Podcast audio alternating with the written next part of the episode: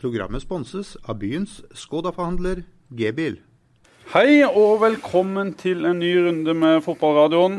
Ny uke, nytt program og nye muligheter, Jesper. Vi skulle egentlig hatt to startspillere som gjester, men eh, de måtte på ekstratrening i dag. Hvem da? Nei, De som skulle komme. Du skulle fikse gjester i dag. Ja, jeg skulle det. Jeg skulle egentlig fikse eh, Ole Martin Åst, men han står da i resepsjonen på Spring og jobber der ute. Han står da og tar imot folk med sitt brede glis, og da henter vi inn eh, to fantastisk eh, fine folk. Begge to er svigermors drøm de luxe, så jeg har hatt en stri jobb med å finne noe på dem. Men noe har vi funnet, det kommer vi tilbake til utover programmet. Men vi har da Espen Hoff, mannen med 1000 tippeligakamper. Herja i Lyn, Stabæk og Start. Og kanskje flere. Odd, ikke sant? Da han har spilt i så mange år. Sporty? Sporty, ja, men det har jeg ikke noe A-kamper, da. Men det var, der, det var der det begynte. Lille Sporty. Og så har vi fått besøk av amerikafaren Mats Stokkelin, som har vært i Start, Stabæk, Hånes og i New York og kost seg. Så dette blir Kåra hyggelig. til Norges mest sexy mann under 20 år for, eh, for noen år siden. Han trodde i hvert fall det. Nei, det vant ikke du en sånn kåring, Mats? Uh, jo, jeg gjorde det. Men det viste seg at det var noen eh, fra Fedrelandsvennhuset som sto bak. Men eh, det kunne jo Det var jo troverdig. Absolutt. Ja. Jeg hadde ikke blitt overraska over Mats. Det hadde det det dukka opp i mitt hode i stad, så trodde jeg faktisk det hadde vært en, en sånn en kåring som han vant. Ja, det er det viktigste, at folk tror faktisk det. De husker det så vidt og tror at han vant den kåringa. Det syns du var ganske flaut, eh, husker jeg. Det var ganske flaut, ja. Vi ringte jo Morten Helstad også først, men uh, han trodde ikke på det. For han mente sjøl han var topp fem. så måtte vi videre til Mats. Topp 20, den satt. Men jeg har hatt eh, altså hadde en liten krangel med Ayer òg før, eh, før vi gikk ned her nå på lunsjen. For det er klart at Kristoffer Ayer var jo fly forbanna over at ikke han var førstemann som var spurt fra garderoben. Han mener sjøl at han eh, har så mye morsomt å si, at han er en så begava person at han mente at han burde vært et soleklart førstevalg foran disse to. Det er klart at Kristoffer Ayer, som har spilt, han har spilt 20 tippeligakamper, han har vel vunnet kanskje fem. Og her har vi da to, to herremenn som har spilt i alle år. Så Ayer, du er morsom, men du trenger mer kamper på baken før du blir invitert ned hit. Ja, for Vi tror at disse to har flere historier å komme med rett og slett enn det Kristoffer Ayer eh, kan bidra Ja, med. iallfall av de som er sanne. Ayer er god til å dikte. Og I tillegg så har vi jo uh, sett denne uka at vi har jo hatt ei hummerteine som Feven har fulgt live her nede på et kamera. Og det er klart det har vært et par hummer som har vært inni, men så kommer da Fredrik Strømstad. Einar Sveinarsen drar opp en hummer på 2,9 kilo! Ingen tror på at det er sant. Jeg måtte ringe han før sending og høre hva skjedde. Jeg trodde jo helt ærlig at dette var ei, en hummer som han hadde hatt i ei sanketeine der siden 2005. og bare fôret opp, og så drar han opp nå for å få litt mer oppmerksomhet og litt PR rundt seg sjøl. Det var det ikke. Han hadde fått dette i ei fisketeine. Ikke ei hummerteine. For Det gikk rykter om at en så stor hummer kan ikke gå inn i en vanlig teine. Nei, men det sier Fredrik at eh, det stemmer. Han har kjøpt ei fisketeine på OK Marine. 2,9 kilo, rett opp. Og det er jo deilig da at vår oppmann Øyvind Evjen, som hele tida skryter av hvor mye laks og hvor mye hummer han får, blir satt på plass til de grader. Så Strømstad, gratulerer med verdens største hummer. Fisker dere, gutter? Du jeg er veldig dårlig på fisking, altså. Eh, kona mi har lovt meg helt siden jeg møtte henne, at hun skulle ta med meg på, på pelle krabber, som de Ja. kaller det. Men foreløpig har har det ikke blitt eh, noe krabbepelling. Jeg hadde med meg Clarence Goodson en gang og skulle eh, pelle krabber. For å være helt ærlig så var det ingen krabber. Og jeg måtte jo vise amerikanerne Clay at uh, vi også hadde krabber i Norge. Så jeg så ei teine som lå litt uh, grunnere enn 25 meter. Og da føler jeg at da er det min rett å ta de opp og sjekke om den er oppi. Så Clay visste jo at dette ikke var lovlig. Så han satte seg er jo, Han er jo ekstremt kristen. Snudde ryggen til? Han satte seg foran i båten, og dette er sant. Han satte seg foran i båten med ryggen til, så opp mot himmelen og sa I'm not a part of this. Mens Mathisen dro opp teina, plukka ut uh, et par krabber og så ned igjen med teina. Det var bare de som uh, Så bare viser han at bare viser. Så la vi de opp igjen etterpå, selvfølgelig. Mats, du har vært på fisketur før. Jeg er veldig glad i å fiske. Jeg fisker så ofte jeg kan, og jeg er utrolig glad i havet. Jeg husker vi hadde fluefiskekurs på Sør Arena på gresset der. Meg og det var Fredrik Strømstad. Jeg vet ikke om du var med, Hoff? Nei, jeg var ikke Det, det. var noen av gutta for fire-fem år tilbake. og Da øvde vi på, nei, på gresset, gamle gresset. Ut og skulle prøve. Første kast, ørret på to kilo. Det er historien min. Men jeg er veldig glad i å fiske. Og eh, foreldrene mine bor jo rett ved sjøen og fisker så ofte jeg kan. Har båt og, og er ute på det blå hav eh, når jeg har muligheten. Mats bor jo på, han bor jo på havet ute på Hånes. Så har jo tilgang rett ut til alle havets delikatesser. Så det er klart at Mats er glad i å fiske, og han fisker også mye. Og eh, han er vel eh, det nest beste på laget til å fiske etter Rolf Håkon Daniel. Er vel eh, Nei, nei, ikke, ikke på dette nivået. Så du har Rolf Daniel Vikstøl, som blir kalt for Lars Monsen av en grunn. Og så har du da Mats. Og så kommer vel kanskje Håkon i koblet bak der sammen med Børufsen og, Ja, det tror jeg nok er og Evjen. Ja. Ja. Vi må snakke litt uh, fotball uh, oppi alt tullet. Eh, ekstremt viktig uke for Start igjen. Nå hadde en jo sånn skjebnekamp mot Mjøndalen og fikk, eh, fikk eh, med seg hele lo lokalbefolkninga. Og så kom en kamp mot Molde der, eh, der en kanskje ikke klarer det igjen. Men det er en meget viktig kamp, eh, Espen. Ja, Det er ikke noe tvil om det. Vi, eh, det har jo vært, De tre siste kampene har jo vært meget viktige alle sammen. Så har vi, vi nede i bunnen der har jo snubla alle, alle som én, helt til Tromsø nå har klart å stikke ifra. Men det er klart den kampen som kommer mot Molde nå, den blir eh, spesiell. Uh, det blir nok uh, spesielt da i forhold til også hva som skjer i, i Stavanger. Så, men uh, Må dere lukke ørene for det som skjer i Stavanger, Mats? Nei, altså Det viktigste før kampen blir jo å ha fokus på egne prestasjoner og, og at vi vil ut og avgjøre dette på egen hånd. Vi har muligheten til å få kvalik på egen hånd, og da må vi vinne mot Molde. Uh, men selvfølgelig utover i kampen, hvis det viser seg at uh, nå er det blitt noe mål til Mjøndalen, og vi, det er uavgjort eller vi ligger under, så må vi jo gjøre justeringer underveis. Men Dere må få de beskjedene. det må vi få underveis i kampen. Det er helt avgjørende. Men det er en vurdering trenerapparatet har. Eh, De, de får info løpende fra de andre kampene. Og, men inngangen til kampen den må ikke være prega av at vi skal spille på resultat eller uh, være opptatt av hva som skjer i den andre kampen. Vi må, vi må gå ut der for å vinne, og så får vi heller ta justeringer underveis. Men det ble gjort mot slutten av forrige kamp, så var Bård eh, Borgersen veldig opptatt av at han ikke skulle tømme seg bak og slippe inn mål pga. målforskjellen. Er det der en må starte nå? At en, at en eh, har en, eh, en klar tanke om at så lenge det står U i begge kampene, så er det om å gjøre å ikke slippe inn mål? Altså Inngangen inn før Stabæk-kampen var jo også egentlig å holde nullen. Klarte vi jo ikke det, da, men, men jeg syns inngangen til det, og måten vi løste førsteomgangen på spesielt, var eh, bra. Eh, og hvis vi klarer å gjøre noe lignende i Molde, og da holder det i 90 minutter, så vil vi sitte igjen med et eh, godt resultat som sørger for at vi får den kvalikplassen vi skal ha. Er det Viking vi må stole på, Jesper? Det blir selvfølgelig en tøff kamp hjemme mot Molde på kunstgresset. Men Molde har spilt eh, borte mot Celtic på torsdag og kommer her med et mannskap som er litt redusert, og som ikke har så mye å spille for, selv om de også har noe å spille for. Så jeg tror fint at vi kan eh, slå Molde. Og så tror jeg jo at Mjøndalen taper, men jeg har aldri stolt på rogalendinger og kommer aldri til å gjøre det. Så vi vet aldri hva Viking finner på. Så vi må ha fokus på oss sjøl, og så må vi selvfølgelig være opptatt på hva som skjer i Stavanger. For det var vel sånn i sist kamp at Oppdal var vel på vei opp på en av de siste dødballene. Det var en eller annen misforståelse, var det ikke det? Nei, altså, vi, Han tenkte vel det at nå kan han bli helt igjen. og vi, vi, vi lå jo under, så det er jo naturlig å tenke sånn. Men jeg så kanskje, tenkte ikke det hele bildet, det at det, det er tre pluss nå. for Ving, For nå, nå skulle han ikke bare ta dødballen, nå skulle han liksom være i andre enden. Ja, ja. Jeg tror Rutford virka han opp, mens Bård vinka han tilbake. og så fikk jeg jobben med å rope ned Håkon, men han hørte jo ikke på meg, så han forsvant opp. Det verste er jo at, eh, at Asante faktisk får ballen på midtstreken, mens Håkon fortsatt er langt inne på Stabæks eh, halvdel. Han Ja. kunne jo bare snudd og løpt den i mål omtrent. Ja, Hadde han fått rettvendt seg der og satt på turboen, så hadde ikke vi to stakkarene som sto igjen der, klart å henge med. Nei, men klart, Vi har lært opp Asante til noe i årene hans i Kristiansand. Så eh, hadde Asante lagt på til 4-2 der, så, så hadde han fått problemer inne inn i Oslo. Espen, er det din siste eliteseriekamp på søndag? Nei, jeg håper ikke det. Eh, jeg håper jo For det første så håper jeg vi sikrer eh, eh, plassen for start. Og så får jeg ta en vurdering på min situasjon, uavhengig av egentlig hva som skjer i de siste kampene. Men, men det viktigste nå er å sørge for at Start spiller elit- eliteseriefotball til, til neste år. Det, ja, det er i hvert fall det eneste som står i hodet mitt. Du må snakke litt om hans uh, karriere, som uh, det er fort gjort å kanskje glemme Espen litt. Han har jo ikke kanskje sprudla i år, det er vel, uh, det er vel ingen som protesterer hvis jeg, hvis jeg sier det, men karrieren hans er jo eh, utrolig i norsk målestokk.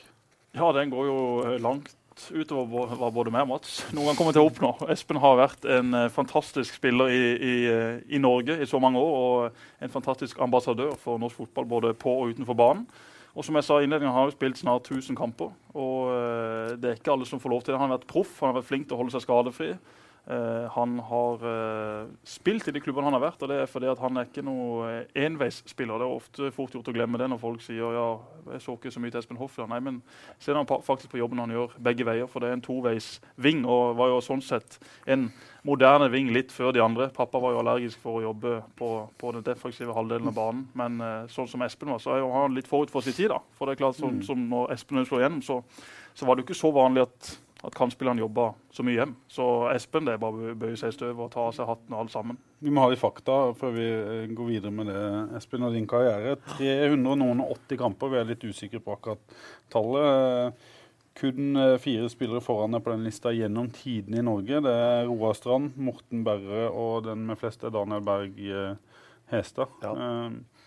Er det, blir du stolt når du, når du hører dette? Ja, ja, jeg gjør det. Eh, For det første, som De tre navnene som du nevner som er foran meg der, ser jo jeg på som, eh, ja, som, som spillere som har gitt mye glede da, til, til norske fotballsupportere. Og i det hele tatt å kunne være nevnt med de og i nærheten av de, syns jeg er, eh, er gøy. En, en har lagt opp, de to andre legger opp etter denne sesongen. Ja. Eh, og ja, skulle jeg ha spilt like lenge som dem, så hadde jeg jo eh, mest sannsynlig tatt igjen på antall kamper. Uh, men uh, nei, det jeg syns Jeg er stolt av hva jeg har fått til i min karriere, jeg. Har selvfølgelig, som de fleste andre, variert i prestasjoner gjennom de 17 åra jeg har spilt, naturligvis. Og det har vært en tung sesong i år. Det skal jeg være den første til å innrømme. Men men når jeg, kom, når jeg sitter og ser tilbake på karrieren den dagen jeg eventuelt legger opp, så, så tror jeg jeg kommer til å være fornøyd med, med hva jeg har fått til. Ja. Hva har Espen uh, betydd eh, for Start i den tida han har vært der, Mats, og den tida du har spilt sammen med? Nei, For det første så er han jo utrolig profesjonell. Det ser du i alt han gjør. Utrolig hyggelig fyr. Viktig både på og utenfor banen. Flink med de unge. Eh, tar ansvar og går foran med, som et godt eksempel. Og jeg var jo i Start da han kom eh, i eh, 2010, sommeren 2010. Og det, det husker jeg jo at alle syntes jo det var fantastisk at en spiller som Espen Hoff kom til Start. Dette er et tegn på at nå, nå tar vi gull snart. ikke sant? Det var der. Jo, jo, men altså, det, den, det, det husker jeg veldig godt. Og det Bare fortsett. Ja, ja, ja. Nei, men det, det er en uh... Jeg husker da pappa signerte Espen. Eh, og da var det sånn at jeg husker vi skulle spille bortkamp mot dere i Oslo, med, mot Stabæk. Stabæk. Og da hadde pappa sagt til meg før kampen at eh, Hoff han har vi signert nå, men det er veldig hemmelig. For han har kjøpt seg hus på Husnesalløya, han skal ned her. og så det var, selvfølgelig var det stort og for, for Espen. Han har jo blitt sørlending. Så eh, når vi skal regne ut hvor mange lokale spillere han har på laget, så skal selvfølgelig Espen telles inn der. Men vi, vi kan jo ta, altså, Hvordan gikk det nå første kampen? Eh, Debutkampen min for Start, debutkampen i 2010? husker det, var jo, det husker jeg veldig godt. Eh, det var jo, For det første så kjørte vi jo en eller annen grunn til Oslo på kamp da. Eh, så det var ikke den optimale oppladninga. Men spilte en meget god førsteomgang med Vålerenga, men lå under til 2-1. Burde egentlig ha leda kanskje 2-3-0 hvis vi, Ovello hvis vi er drar på litt. Ja. Ovello skårte praktfull skåring. Vi var vel enige om at det var årsbeste på bortebane Ja. den første omgangen? Vi skulle egentlig bare ut på i andre omgang og, Og snu det. Og, og, Ja. snu det, og, og, kjøre i samme vei. Og så, ja Når Moa var ferdig med oss, så var det vel 8-1. Og han var Eh, solgt til Tyskland dagen etter. Så ja. vi har, vi har gode historier for å selge Altså være med på å Vi, vi er gode på å markedsføre eh, spillere på vi vei jo ut. jo året før Mamber Dioff, som uh, da skåra fire mål Mm. og ble solgt til United et par dager etter kampen vår. Og så har du Moa, da, som ble uh, solgt til Tyskland. Skal ikke se bort fra at det er noen Molde-spillere som, som ryker. det er ryker etter Solskjær. Solskjær ble solgt til Manchester United etter, etter å ha skåra mot Start og kasta drakta på, på tribunen. Men Espen, når du var eh, Du begynte veldig tidlig, eller kom inn i A-lagsfotballen på høyt nivå veldig tidlig. 16, 16 år. Eh, hvor, eh, hvor talentfull var du? Jeg var ganske talentfull. Men jeg tror på en måte jeg alltid har vært et Jeg har hatt et visst talent, men så har jeg alltid vært et produkt av på en måte hvor god jobb jeg har gjort. Eh, og jeg har alltid på en måte vært en spiller som, eh, som legger ned 100% av det jeg har. da. Avhengig av, helt eh, avhengig av hva, hvor potensialet ligger. Så, så jeg tror kanskje det var derfor, av det, at jeg fikk sjansen så tidlig som jeg gjorde. da. Mm. Eh, pluss at jeg har jo sett ut sånn som det her siden jeg var 13 år. Altså det har også vært en fordel. Med skjegg og Med skjegg og grått hår. Men du, du var nær at du um, forsvant til utlandet tidlig? Ja, jeg hadde øh, Når jeg valgte Odd, så hadde jeg stående tilbud fra Heerenveen, faktisk. Uh, men uh, Hva kan du si om det? Hva var betingelsene? hva- Åssen pakke var det som lå der? Uh, det var en ganske god lønnsavtale. Gratis bil, gratis leilighet. Eh, det tok meg vel ganske mange år før jeg fikk eh, lignende avtale i Tippeligaen. for si det. Millionlønn? Det var ikke millionlønn, men det var, eh, det var Jeg tror, jeg mener det var et sted mellom eh, 500, rundt 500 000. Og det er 30 år siden, så det var mye ja, det, ja, penger det var mye penger. Det var sånn at jeg kunne egentlig redda hele familien, hele landsbygda. uh, så, men, men jeg var eh, en litt sånn beskjeden, forsiktig kar. Jeg var opptatt av trygghet, jeg var opptatt av spilletid, jeg var opptatt av litt sånne ting. Så jeg, for meg så var det helt riktig å liksom gå til Odd og Skien. Det var nærme familien, det var nærme venner, og jeg så også en mulighet til å få eh, spilletid da, innen relativt kort tid. Mm. Så Angrer du? Nei, jeg gjør ikke det. Jeg skulle gjerne hatt et utenlandsopphold da, og få opplevd det eh, på et Du har vært mange uker på La Manga. Jeg har Jeg må ikke glemme det. Jeg må Jeg ikke glemme det. har faktisk nesten vært et halvt år på La Manga. Det kommer med en historie av forrige program. Det gjorde det, og jeg tenkte vi måtte Han må svare for den. Ja, altså, for han vil jo gjerne gi sin side av historien, og det kan jo være at den er enda verre. Så Mm. Og ba om å få, få kjøre gjennom den eh, historien. Ja, du, du tenker på den Ja. Nei, vi hadde jo frikveld. Fikk lov å gå ut og ta noen øl, som vi gjør på La Manga innimellom. Og så var det ikke så mange som benytta seg av den muligheten. Meg og Søgaard benytta oss av det. og vi reiste og hadde kjempegøy.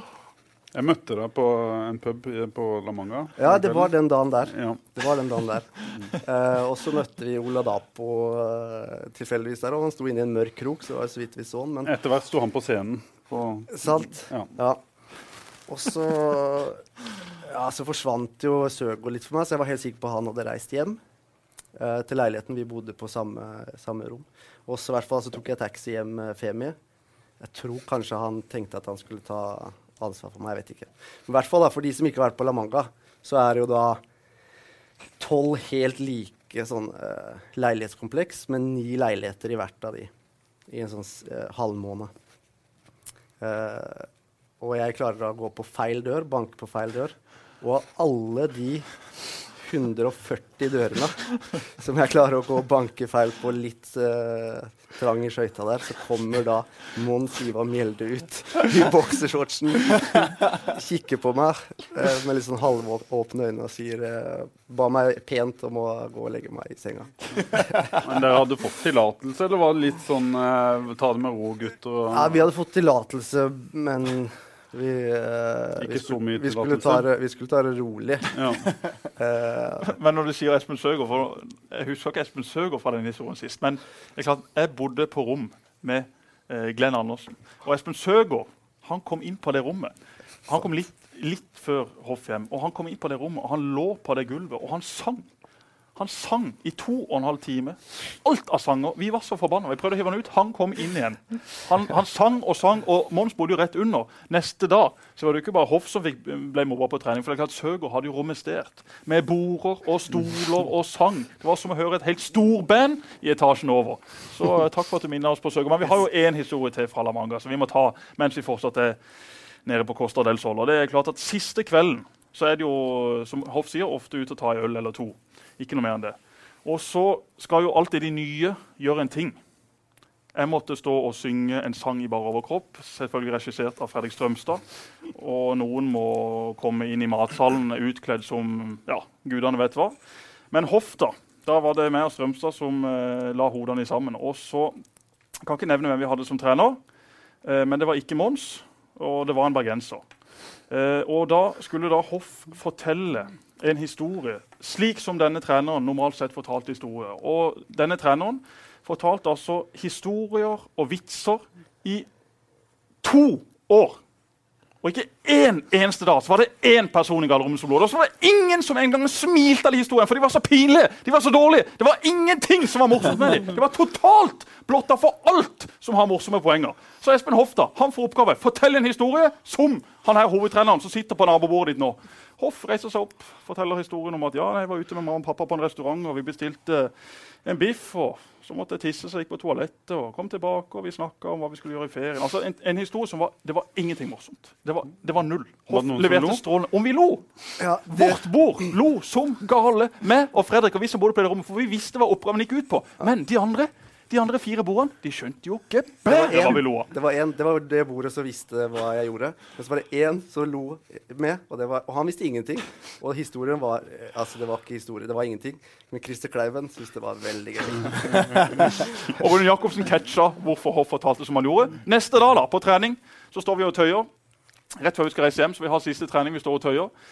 Eh, vi står i en sirkel og, og tøyer ut, og da kommer jo denne komikeren, av en trener, bort til Hoff, og så sier han Ja ja, Hoff, det blir ikke noen komiker av det. Refererte til historien i går. Legendarisk historie. Programmet blir sponset av byens Skoda-forhandler G-bil. Eh, det å ta det litt ut og sånn av og til som eh, fotballspiller og få lov å ta noen øl og en, en fest, det, er det viktig, Mats?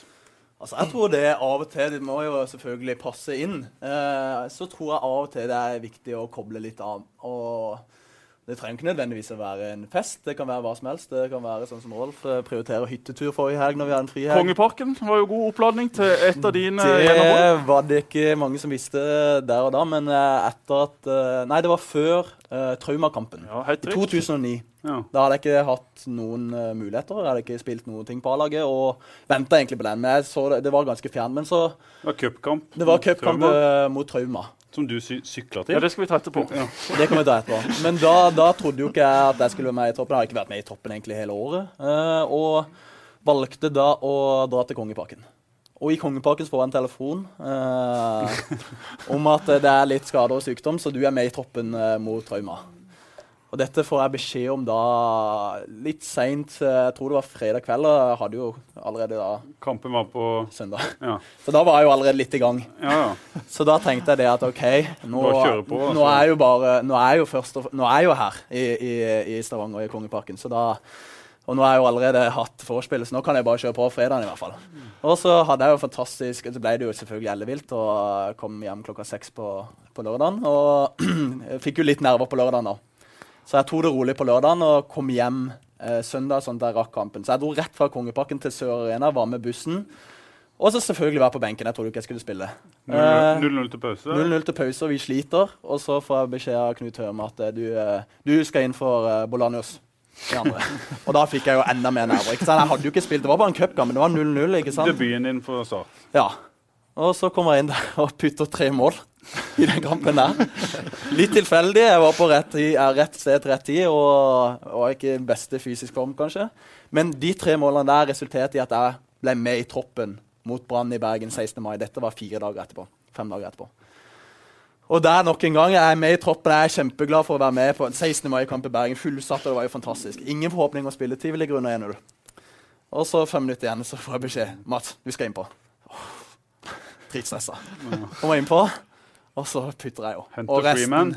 Hunter Freeman på bakerste der og en volley.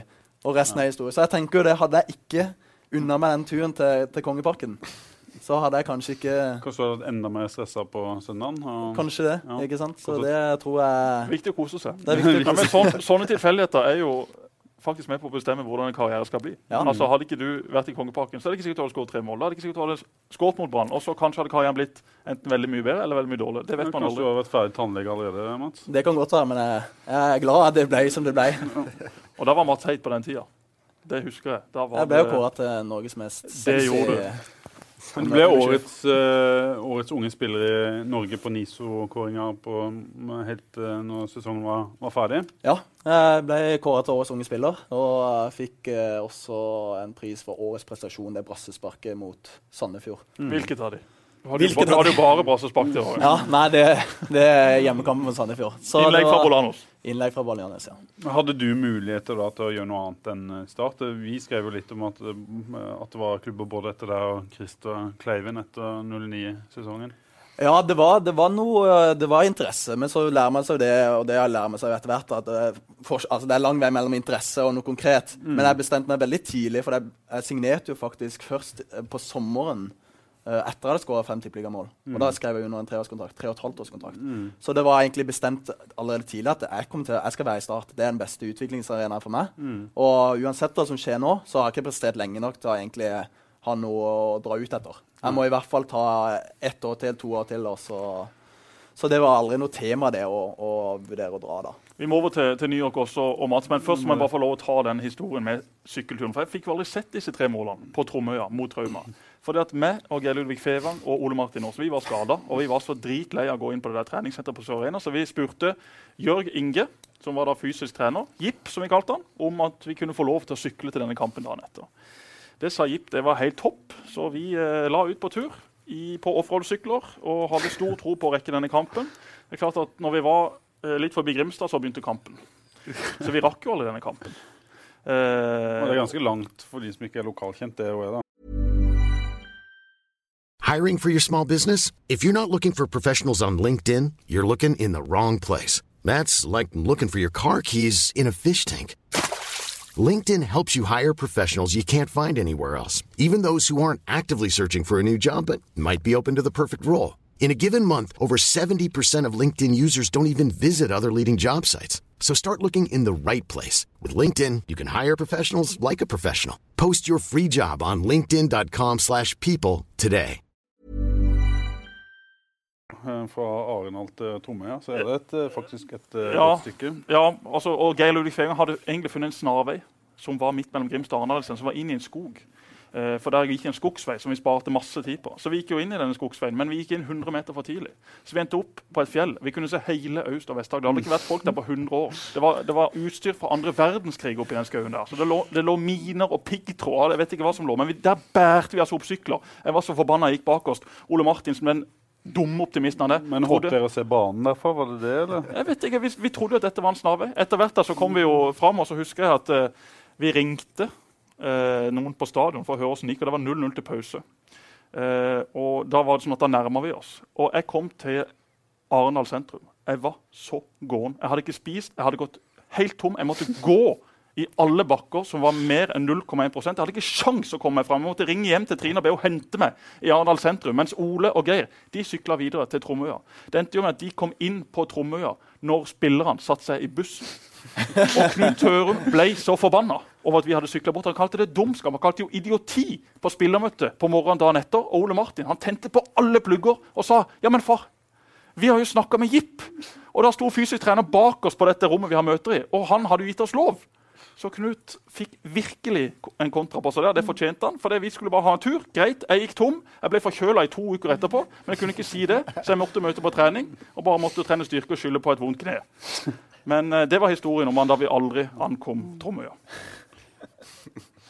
Espen, agenten Kristoff Mungai. Har du hørt om han? Nei Nei. Christer Mungai. Kristoff Mungai. Det, Ja, for I 2011 jeg fant en sak på, på internett, så sto det en, eh, en sak i goal.com om at Stabæk-stjernen Espen Hoff er aktuell for eh, Manchester United. og at Fiorentina og Genoa i Italia er interessert. Og så står det altså eh, et sitat fra en trener som heter, nei, fra en agent som heter Christoph Mongai. Om at Genoa har fulgt deg lenge. Men eh, sånn det ser ut nå, så er det Premier League som eh, gjelder. For det er en eh, bedre liga enn Ital italiensk Serie A. Ja. ja, nå husker jeg navnet.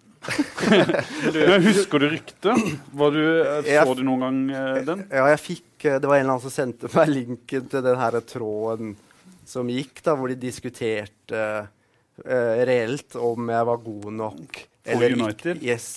Eh, så jeg syns det var litt vittig, men uh, ja. Tok du en Lars Kristian Eriksen og var inne og skrev i tråden sjøl? ja, ja.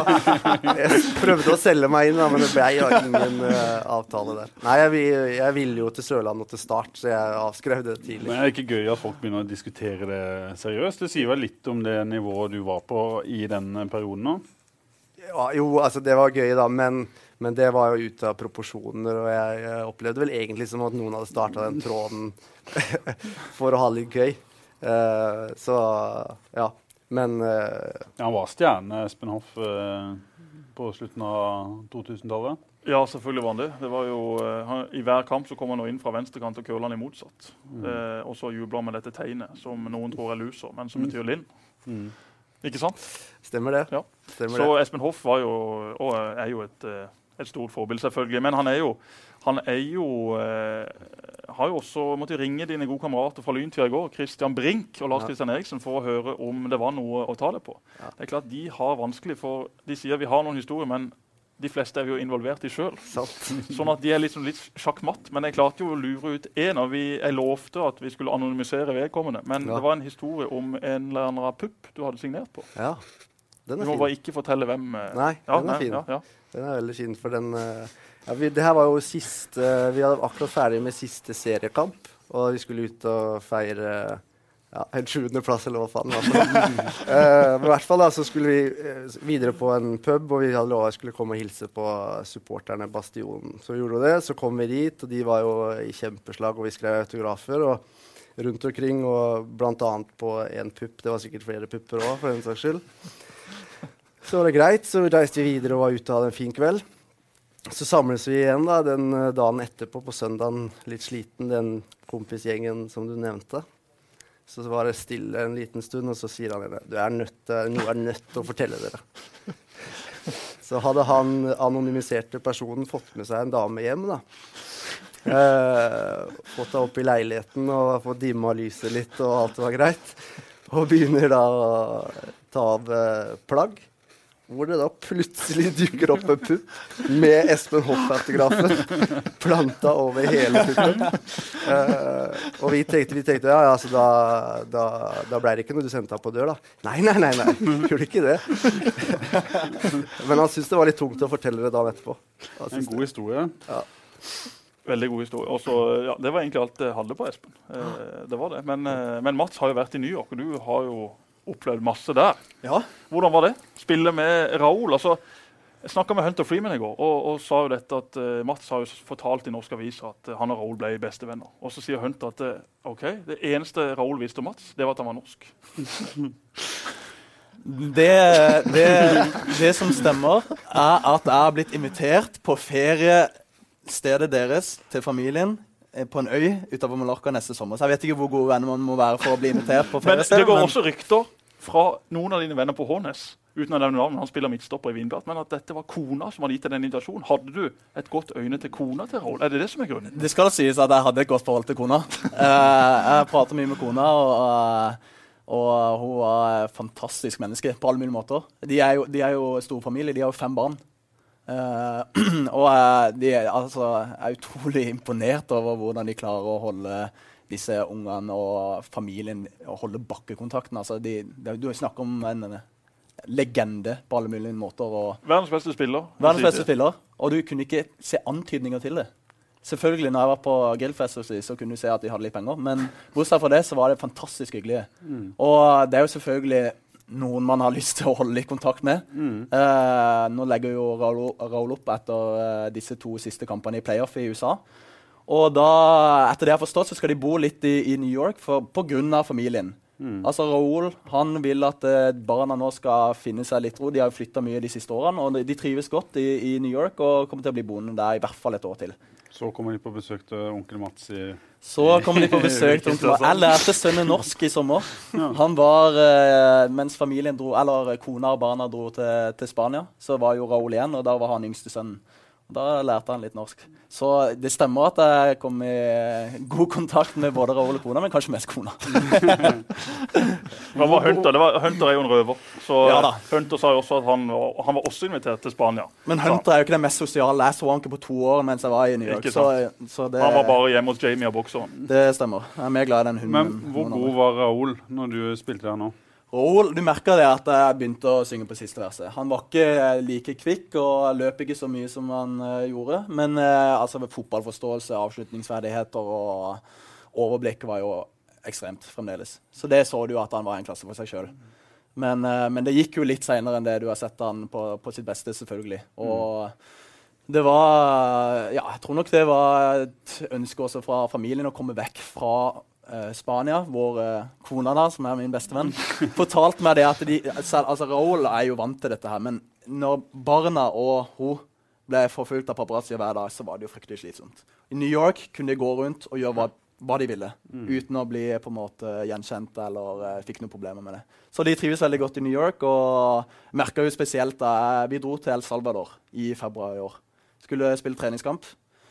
Og vi landa på flyplassen, og da har de da stengt halve flyplassen. For det er fullstendig kaos for Raúl skal komme til El Salvador. Det er helt utrolig at han kommer til El Salvador. De stenger flyplassen. Vi blir geleida ut, ventende buss. Og der er det ti politibiler, fem foran, fem bak, som kjørte kolonne og stengte av veiene frem til der vi skulle bo. Vi skulle på trening. Vi kommer frem 50 eh, spesialstyrker i, i full uniform, altså eh, skuddsikker vest, eh, våpen. Fire snipere rundt banen. og, og de sto i, rundt banen, 50 stykker jeg telte, 50 stykker, og passa på oss. Eh, Raoul hadde egen eh, eh, livvakt. Tidligere livvakten til Bill Clinton og Ronald Reagan. Eh, altså Secret Service, som passa på han hvert sekund på hele turen. Og det, da, da skjønner du liksom hvor stor Raoul er i, i, i verden. da. Men eh, i New York da fikk han en pause. Hvordan trives du i, i storbyen? Jeg trivdes veldig godt. Jeg bodde på Long Island ca. 40 minutter fra Manhattan. Så det var litt mer stille og rolige omgivelser. Det var der vi trente og der vi spilte kampene. Men så var det jo allikevel en kort, uh, kort kjøretur inn til Manhattan. Så jeg, jeg dro inn så ofte jeg kunne, for det, var, det, var jo, det er jo en fantastisk by. Utrolig mye å finne på. Vanvittig mye god mat. og ja, Du kan aldri kjede deg i, når du bor i New York. Så var fotballen da, sammenligna med sånn i Norge? Nei, fotballen var eh, Det er jo Du har jo et utvikling, utviklingspotensial eh, i, i USA. Det er jo eh, Den ligaen jeg spilte i, så var nivået brukbart. Det, jeg vil tippe det er topp førstedivisjon, bunn tippeligaen, miks der. Vårt lag var egentlig ganske bra. Eh, vi hadde en del solide spillere og spilte bra fotball. Mens en del andre lag var mer uh, ja, direkte, kyniske, mye fysikk, mye atleter og mer destruktivt spill. Men vi prøvde jo å spille litt mer uh, romantisk. Mm. Eh, trente de like mye og sånn, eller er det, var det liksom slappere? Var det mer behagelig å være fotball? Nei, det var tøffere. Ja. Ja. Det var mer, altså mye mer fysisk. Mye løping. Og det var, det, forskjellen var egentlig det at eh, det du er vant til å ha i Norge, med at det, du har en vanvittig tøff preseason, og så blir det litt roligere i sesong, der så du ikke noe forskjell mellom preseason og sesong. Det var like mye løping. Du hadde de suicides som de er så kjent for i, i USA. Løper fra kjegle til kjegle. Og vi trente knallhardt. Så det var, det, var, det, var, det var spesielt tøft på sommeren. Det blir fryktelig varmt og luftfuktig i New York. Så der sleit jeg spesielt første året at det var utrolig tungt å, med så hard trening og, og varmt. Jeg var over og besøkte Mats i New York, eh, og eh, vi var jo så på US Open i tennis. Da eh, var vi faktisk ikke og så på Lion King på Broadway. Men hvor mange ganger har du sett Lion King på Broadway? Nei, tingen er jo det. Nå skal jeg si det til mitt forsvar. at Jeg har jo hatt det, Altså, når du bor i New York alle som kommer da til New York, om du er god venn, bekjent eller egentlig ikke kjenner deg, men vet hvem du er, så har de tatt kontakt med meg. Jeg syns det har vært veldig hyggelig, eh, men det har blitt veldig mye. Jeg tror i snitt én gang hver uke så fikk jeg en melding, en telefon eller noe på Facebook om at hei, jeg er i New York, og har lyst til å finne på noe. Og så er du så snill at du ikke klarer å si nei? Og så klarer ikke jeg å si nei. Jeg klarer ikke å si nei. Det er min uh, svakhet her i livet. At jeg klarer ikke å si nei, og så sier jeg liksom ja, vi kan gjøre det og det og det. Eh, hva vil jeg gjøre? Og så, nei, vi har fryktelig lyst til å gå på musikal. Og så sier, eh, anbefaler jeg alle bortsett fra Lion King, da. For det, altså, det er jo grunnen til at alle vil jo på Lion King musical i New York. Så jeg har jo endt opp og vært ja, Jeg var vel fem ganger på Lion King musical på ett år. Spennende. Så, men det er en bra musikal for all del. Men, uh, den Men han er altfor snill, er han ikke det? Når jeg, jeg skulle intervjue han i Oslo en gang når han spilte i Stabæk, så det var jo han på tannlegestudioet, og skulle jeg opp og spise middag hos noen bekjente, og spurte, han, spurte han om jeg ville låne bilen hans. Du er Ja, men altså, Mats. Mats, Mats er ikke, altså, Espen Hoff er fantastisk, og Mats er jo, er jo verdens snilleste personer. Så du finner ingenting vondt med Mats, sånn som jeg vet i fall. Han stiller alltid opp, han sier alltid ja. Han har så mange flotte egenskaper utenom det han leverer på banen, at eh, Mats er en du virkelig blir glad i. Jeg skjønner godt kona til Raoul, for å si det sånn. Men, du, men det var, du var en periode når du slo igjennom, så ble det så mye at din far husker jeg sa at nå Nå må vi eh, stoppe litt her. Vi må sette en fot i bakken, for nå begynner Mats å bli litt eh, små, eh, småsliten. Da ser Se og og TV 2 og VG og Dagbladet og Nettavisen og Fevennen og alt på en gang. Ja, det stemmer det. Det tok helt av. og du vet, Når du er fersk i det, så suger du til deg og takker ja til alt. Og av naturen så sier jeg ja til alt. Og, og det var mye henvendelser, og det ble fryktelig mye. Du syns jo det er veldig spennende, du syns det er gøy i starten, og tenker ikke over at det, det sliter deg mentalt. Så det gikk, jo, det gikk jo egentlig fra det målet i 16. mai og ut sesongen, så var det jo kontinuerlig, nesten daglig, et eller annet, en henvendelse om det og det og det. Og jeg takka jo egentlig ja til alt. Helt til det var utrolig fornuftig. Selv Jesper eh, jeg husker jeg sendte meg en melding og sa det at du, Mats, du, du, du trenger ikke å si ja til alt. Det, du, det går fint å si nei. Du må ikke stille opp på alt av ting som, eh, som kommer foran deg. Og det, det merka jeg. Jeg fikk en liten eh, down på, på høsten det året der. Og det tror jeg kanskje hadde litt med at jeg, jeg, var helt utmatta. Jeg var mentalt helt ferdig. Og jeg husker de siste fem kampene så var det bare sånn Nå, nå må bare sesongen bli ferdig, for nå, nå, nå, nå er jeg ferdig. Har du hatt det sånn, eh, Espen? Jeg har vel det samme eller hadde i hvert fall det samme syndromet. altså Vanskelig for å si nei. Og så er det litt gøy òg, når det står på og du får oppmerksomhet. og, og i positiv, eh, med positivt fortegn så er det liksom gøy å være med på, på det. Men eh, når jeg slo igjennom, så var det jo mindre Altså det var færre kanaler, da. Det var jo, Nå høres det ut som jeg er eldgammel, og det er jeg for så vidt òg, men, men Det var jo eh, papiravis. Ja, det var jo papiravis. Internett hadde jo ikke slått an. Nei, det er som Mobiltelefonen det fantes sånn, ikke. Det Du gjorde måtte ikke jo skru på radioen for å finne ikke sant? Men, uh, så, men jeg, ja, jeg har jo kjent litt på det, òg. Men, men jeg tror jeg husker godt når Mats uh, slo igjennom. Det var jo nasjonalt uh, noe som alle fikk med seg. Mm. Og jeg var, altså, jeg, jeg var jo, jeg er jo et par år eldre enn Mats, eh, og kjente jo Mats godt sånn opp igjennom. Men det var jo ingen som hadde sett den komme. For det klart, Mats var jo ikke sånn at eh, hadde forventa at han kom inn og skårte fem-seks mål. Pang! For det klart, det var, det var folk som folk hadde mer tro på det i statssystemet enn det som var troa på Mats. Men så kom han inn, da, og så smalt og så var det trampoliner, og så var det Jeg vet ikke hva det ikke var. Var ikke Frode Fredriksen en sånn en eh, fyr som fikk pusha deg litt uh, opp og frem? Jeg husker jeg så deg på Start 2 i 07 og 08. og Du var jo ikke, kanskje i mine øyne, i hvert fall det største talentet der. Nei, altså hvis jeg ser tilbake på Hvis jeg skal dra frem én person som har hatt mest å si for min utvikling, så er det definitivt Frode Fredriksen. Han uh, betydde ekstremt mye for meg eh, de årene jeg var i Start 2. Pusha meg veldig, trente beinhardt og var veldig tydelig på hva jeg måtte bli bedre på.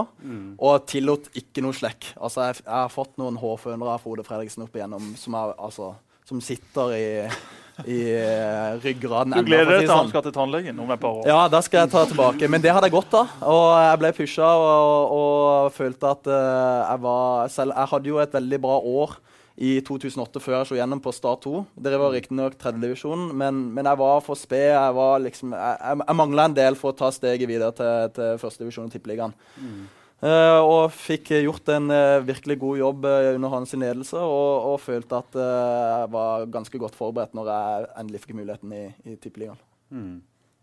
Hva gjør du nå, Mats, etter 2015-sesongen? Du går ut av kontrakt. Espen, du har ett år igjen, men Mats, du går ut av kontrakt. Jeg gjør det. jeg gjør Det Det skjedde jo veldig fort, eh, denne overgangen i, i sommer.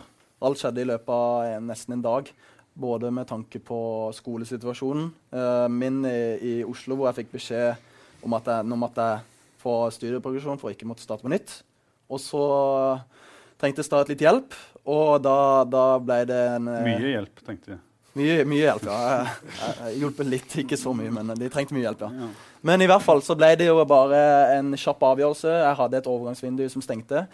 Og bestemte meg da det beste for, for begge parter er å signere nå ut sesongen, og så tar vi en ny vurdering etter sesongen. Og Det er det jeg tenker på nå. Jeg også, samme som Hoff, at det eneste fokus nå er at vi skal berge plassen. Det er det viktigste. At Start er i Eliteserien i 2016. Og så må jeg se litt på det praktiske med både skole, hva som er mulig der med permisjon etter at jeg har fått en viss studieprogresjon nå. Og, og høre med Start selvfølgelig hva de tenker. Så den eh, det, det får jeg fokusere på etter vi har berga Men Du hadde jo et tilbud i sommer som var mer lukrativt økonomisk sett enn det å komme til Start. Så du, Mats viser jo at han virkelig var det, Mats? Nei, jeg hadde, Uten å nevne klubb, så hadde jeg, jeg hadde noen klubber eh, som var eh, spennende. Eh, også mer lukrative. Men eh, jeg husker Jeg har kjent på den følelsen i fire år at eh, når jeg dro fra start i 2011, når vi rykka ned, så gjorde det så vondt. Eh, vi rykker ned. Jeg drar. Jeg var en del av dette nedrykket, og så drar jeg, liksom. Det, det, det er ikke riktig. Men det skal sies at jeg hadde kommet inn på uh, Jeg hadde fått studieplassen i Oslo før nedrykket var klart. Jeg fikk det på sommeren. Og jobba hardt for å komme inn på dette studiet. Det er vanskelig å komme inn på, og Hvis ikke jeg hadde begynt da, så måtte jeg gått over i en sekundær søkergruppe som hadde gjort at jeg måtte tatt opp fag. Så det var jo en helhetsvurdering der og da. Men uh, når jeg da fikk muligheten nå i sommer til å komme hjem, være med og bidra til å berge plassen, så var det, altså det var det eneste i mitt hode. Alt annet la jeg bort. Hvis dette lar seg gjøre praktisk nå med, med studiet, så er det det eneste jeg ønsker. Og så løste det seg, og det er jeg jo ekstremt glad for. Så det er en jobb å gjøre. da. Det er en jobb som gjenstår. Ja, det er jo det. Så det skal vi ta. Det skal vi ta. Og så må vi jo innom eh, våre venner i Grimstad også. Ja, vi må det før vi Altså Nå har da Jerv klart å sikre seg en kvalik. som eh, Vi eh, var jo steinsikre på at de kom til å klare den. Og så begynte de å rote, lå under 2-0. Og Hva var det? Vi ga de 98 sjanse her i, i forrige program til å klare kvaliken. Og sa at uansett hvordan det går med de, så, så klarer de det. Ja, det var jo helt, helt kaos den siste runden av Obos-ligaen. Plutselig så var det jo sånn at Hødd snudde kampen mot Brann. Sandnes Ulf leda mot Ranheim, og plutselig så var Jerv ute av det. Men eh, så dukka da elektrikeren fra Grimstad opp. For det er ingen i Norge som er i tvil om at Glenn Andersen er elektriker. For på mandag morgen på nyhetskanalen på TV 2 så ble Glenn Andersen intervjua. Står han i markedsgenseren sin fra Jerv? Nei! Han står i Agder elinstallasjon. En blå genser med et svært merke. Og hva står bak han? Jo, det står en svær varebil med Agder elinstallasjon på. Han hadde parkert den på tvers. Jeg har aldri sett maken til produktplassering. Glenn Andersen, du bør opp i lønn. Du bør få deg en Tesla som firmabil. Du bør få et nytt hus. Jeg vet ikke hva, men Glenn Andersen han er en luring. Han dukka opp, og han har blitt invitert på Fredrikstad sin bottur til Dublin. Og de skal bære han på gullstol gjennom Dublin sentrum. Men det krasjer med kvalikkampene. For Glenn for de som ikke vet det, redda jo Fredrikstad fra å rykke ned med sin skåring fem minutter på overtid. Nå skal de ut borte mot Hødd. Der har vi vært før. Det blir en tøff kamp. Det blir en tøff kamp, men uh, jeg har vel Hødd som uh, små favoritter i den matchen. Men uh, Enten 0-0 i serien. Sant. Og Jerv har jo vært, uh, hva jeg har fått med, i hvert fall, stabilt gode gjennom hele sesongen. Så jeg tror ikke de går på noe kjempesmell der. Jeg tror det kommer til å være en helt åpen match. Har du sett de, Espen? Nei, jeg har sett de altfor lite, dessverre. Det Steinar får til der borte, jeg kjenner Steinar Pedersen begge to. Eh, og det er sikkert mange som spør om dere om dere kunne tenke dere han som eh, starttrener. Eh, hva svarer dere da? Til det første først, så er jo, det er jo smått imponerende hva de har fått til. Uh, og ja, fra den situasjonen de var i for to år siden, tre år siden, når de nesten rykka ned fra andredivisjon, til nå uh, plutselig være i kvaliken eh, opp til Tippeligaen. Så det er jo imponerende. Og vi, rapportene fra feltet der borte og, sier jo bare skryt om hva Steinar eh, eh, åssen jobb han gjør der borte. Så det er klart, eh, Steinar må være en spennende mann for Start. eh, Om ikke nå, så eh, i all fremtid, tenker jeg. Det kan fort være for seint? Hvis Steinar ikke går til start nå eh, for neste sesong. Så jeg vet at det er sikkert vanskelig for dere som er ansatt i Start å snakke om dette, men eh, da forsvinner han vel til noen andre, sånn som Jerv har prestert nå? Det er selvfølgelig umulig for oss å svare på, eh, på det angående Steinar. Men han har gjort en bra jobb i Jerv. og Skulle han forsvinne til Borussia Dortmund og bli, ta over etter Jørgen Klopp der, så, så vil han jo helt sikkert tilbake til Start. For Steinar er også en starter, og han vil selvfølgelig trene Start enten neste år eller i framtida. Det, det er jeg helt sikker på. Så får vi bare Men se. sjansen er jo nå, er det ikke det? da? Ja, det får være dine ord. Ja. Nå får vi først se om, eh, om ikke vi kan få redda plassen til start. Og eh, det hadde ingenting som hadde smakt bedre enn å mukke Jerv i en eh, playoff-finale. Det hadde smakt ekstremt godt. Så å få sendt han Glenn Andersen tilbake til Agder elinstallasjon, så satt han bak den pulten for godt. Hvem vil dere helst ha? Hvis, jeg, hvis en eh, ser litt i eh, glasskula, så, så er det beste Start kan få en kvalik, og det må vi jo håpe at det går i orden. Eh, hvilke av de fire lagene eh, Har dere noen tanker om det, eller er det sånn dere må ta etter hvert? Altså, jeg har ikke tenkt uh, altfor mye på akkurat det. Men de Det- beste å vinne mot og det verste å tape mot, er det Jerv? Ja, det er det nok. Altså, det er de som har gøyest å slå, men definitivt såra mest. eh, Selv om det kommer til å såre mest uansett om vi taper eh, en kvalik. Men, eh, men ja, Mm. det, det er jo det. Uh, og så er det jo Men ja, Vi kjenner jo de laga litt for lite til Eller jeg kjenner de laga litt for lite til å ha noen mening om hvem som kunne passe oss da, i, i forhold til uh, motstander. du spilte jo mot Hødd uh, for noen sesonger siden. Det er vel litt det samme som det var da, Mats, når du uh, skøyt Stabæk opp i Eliteserien. Ja, altså Hødd er definitivt et tøft lag å møte. Det er fryktelig å dra opp til Ulsteinvik og, og spille der. Eh, De er gode hjemme, og det blir eh, garantert en tøff kamp for Jerv. Eh, jevn, men jeg regner med det blir få mål. Og det gjelder hvis vi skulle møte de i en kvalik, så vet vi det at OK, dette her det, det, blir, det blir en krig. Mm. Det blir tøft. Men det tror jeg det kan bli egentlig mot hvem som helst av disse lagene en sen høstkamp, dobbeltkamp. Så tøft blir det uansett, og vi må bare ta det når det kommer, tenker jeg. Nå har vi en jobb å gjøre, vi har ikke sikra kvalik. Men det jeg ser på som litt positivt, er det at eh, folk tenker det at eh, nå, nå eh, kommer Start med den. Hvis de får kvalik, så er dette verdens undergang for Start. Mens dette laget som er fra første divisjon, det er hipp hurra. Men nå føler jeg det at nå skal vi være sjeleglade hvis vi får kvalik. Vi skal ta det som en bonus. Vi har muligheten til å spille kvalik for å redde plassen. Dette her bør være en fantastisk mulighet for oss også til å beholde plassen. En, pl en mulighet ikke vi vanligvis tidligere ville fått. For Det er det nærmeste du kommer egentlig cupfinale uten at det er cupfinale. Må jo være de to eh, kvalifiseringskampene, både i, følelse og viktighet, Espen. Ja, jeg vil tro det. Jeg har ikke spilt eh, kvalik før. Du har men spilt cupfinale. jeg har spilt cupfinale, og, det, og jeg, har, jeg har både vunnet og tapt cupfinale. Men den følelsen at uh, i en, den siste kampen altså vil jo alt stå på spill, det er jo bare i, i cupfinalen og i kvalifiseringen en får den følelsen. ja, jeg tror uh, altså Skulle man komme til en kvalik og man går seirende ut av den kvaliken, så tror jeg den følelsen man har sittet med da, tror jeg vil være som at vi har vunnet noe veldig viktig, og det er det jo òg. Mm. Det En kvalik er jo mye viktigere enn en cupfinale. Altså En cupfinale er sånn, sånn Følelsesmessig så er det selvfølgelig stort, men sånn økonomisk og med tanke på klubbens framtid og alt sånt, så er jo en kvalik 100 ganger viktigere enn en Mm. cupfinale. Så nå skal vi først uh, sikre den kvalikplassen, og så Yes. får vi heller ta opp det i neste program, hvem Ja. vi skal knuse i denne kvalikfinalen. Vi gjør det. Nå har det gått lang tid. Nå ble det nok et langt uh, program, så jeg tror vi bare setter strek, og så sier vi tusen takk for at dere kom. Takk for at vi fikk komme. Så må alle huske å like Facebook-sida vår. Inn og lik Fotballradioen. Vi er nå over 500 likes. Vi nærmer oss Start, som har litt over 30 000, så vi jobber oss sakte, men sikkert inn på de. Neste uke så aner vi ikke hvem vi får til gjester. Det eneste vi kan love, er at det blir gøy! Programmet ble sponset av byens Skoda-forhandler G-Bill.